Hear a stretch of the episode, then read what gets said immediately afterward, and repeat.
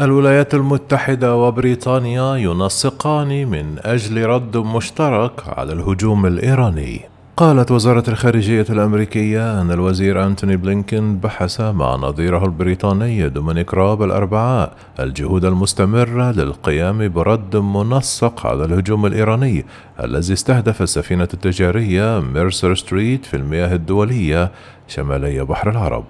كانت ناقلة نفط تدار من قبل شركة يمتلكها ملياردير إسرائيلي قد تعرضت لهجوم في بحر العرب أدى إلى مقتل اثنين من أفراد الطاقم هم بريطاني وروماني. وقد أكدت إسرائيل والولايات المتحدة وبريطانيا وغيرها من القوى الدولية أن إيران تقف وراءها فيما تنكر طهران ذلك.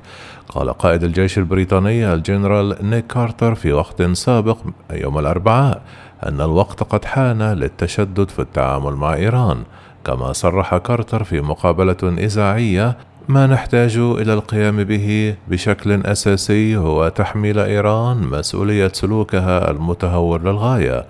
وأضاف قائد الجيش البريطاني لقد ارتكبوا خطأ كبيرا في الهجوم الذي قاموا به ضد سفينة ميرسر ستريت الأسبوع الماضي.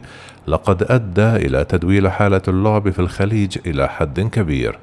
يعتقد الخبراء أن الرد على هجوم الناقلة لن يخرج عن أربعة احتمالات. هي ضربة عسكرية أو فرض عقوبات اقتصادية وعسكرية جديدة أو إلزام طهران بدفع تعويضات.